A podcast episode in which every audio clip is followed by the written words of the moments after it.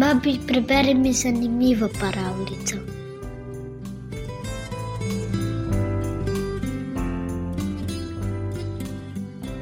Tale imenitna Andersenova pravljica o domišljavem ovratniku je prav zabavna.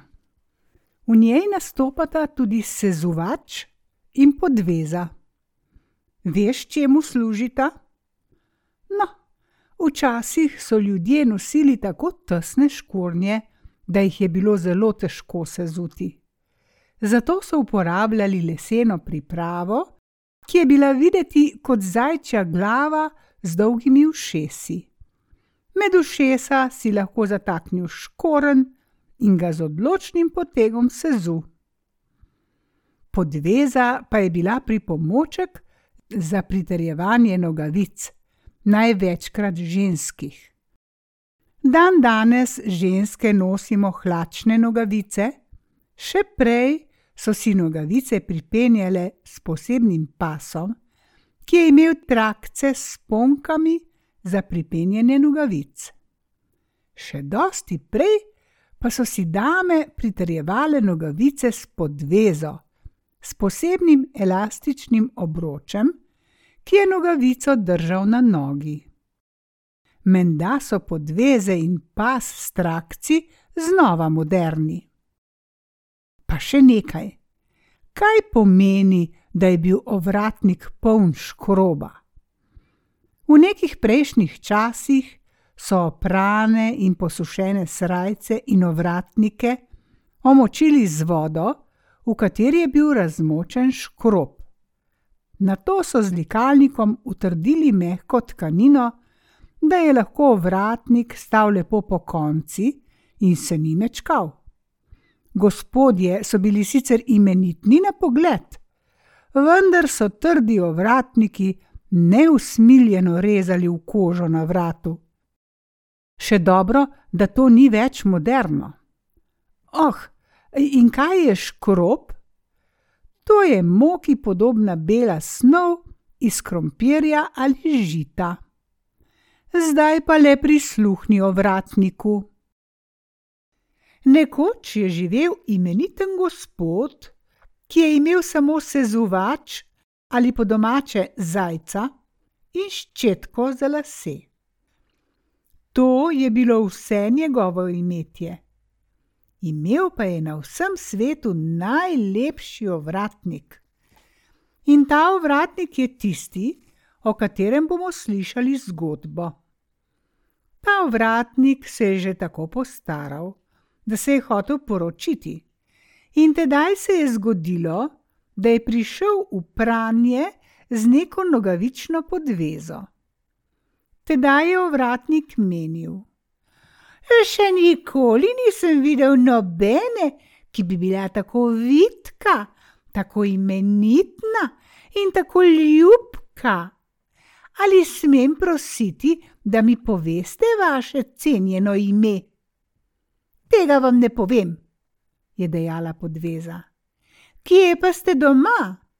jo je vprašal ovratnik. Toda podvezo je bilo sram in je menila, da je vendar malo nenavadno odgovarjati na taka vprašanja. Gotovo ste pas, jo je vprašal vratnik. Tak, spodnji pas. Vidim, da ste bolj za rabo, kakor za lišp, draga gospodična. Z menoj ne smete govoriti, je dejala podveza. Mislim, da vam nisem dala prav nikakega povoda. Da, če je kdo tako lep, kakor vi, je dejal vratnik, je že kar dovolj povoda.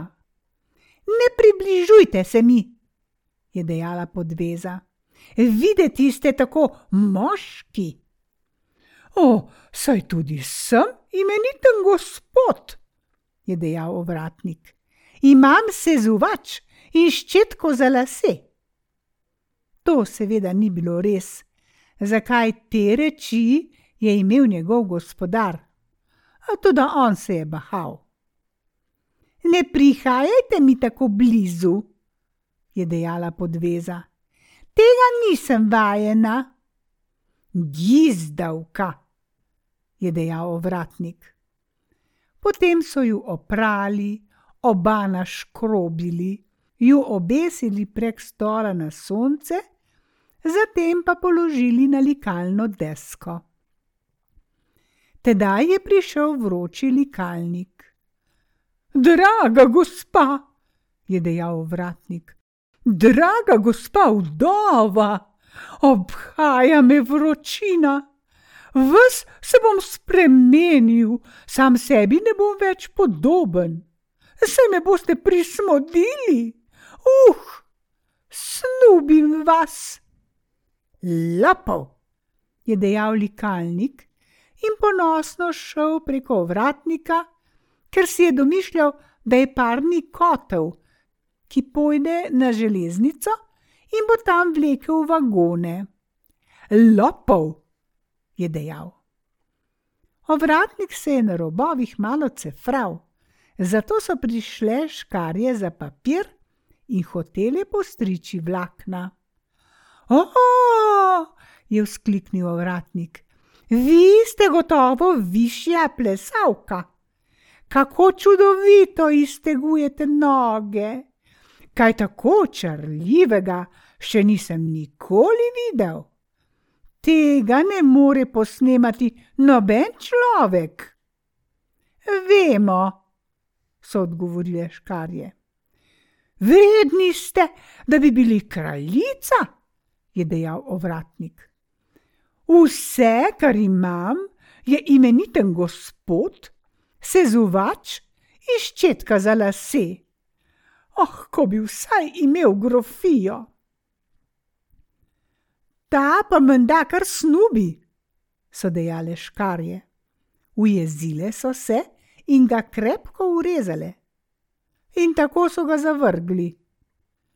Na zadnje bom moral pač zasnubiti ščetko za lase.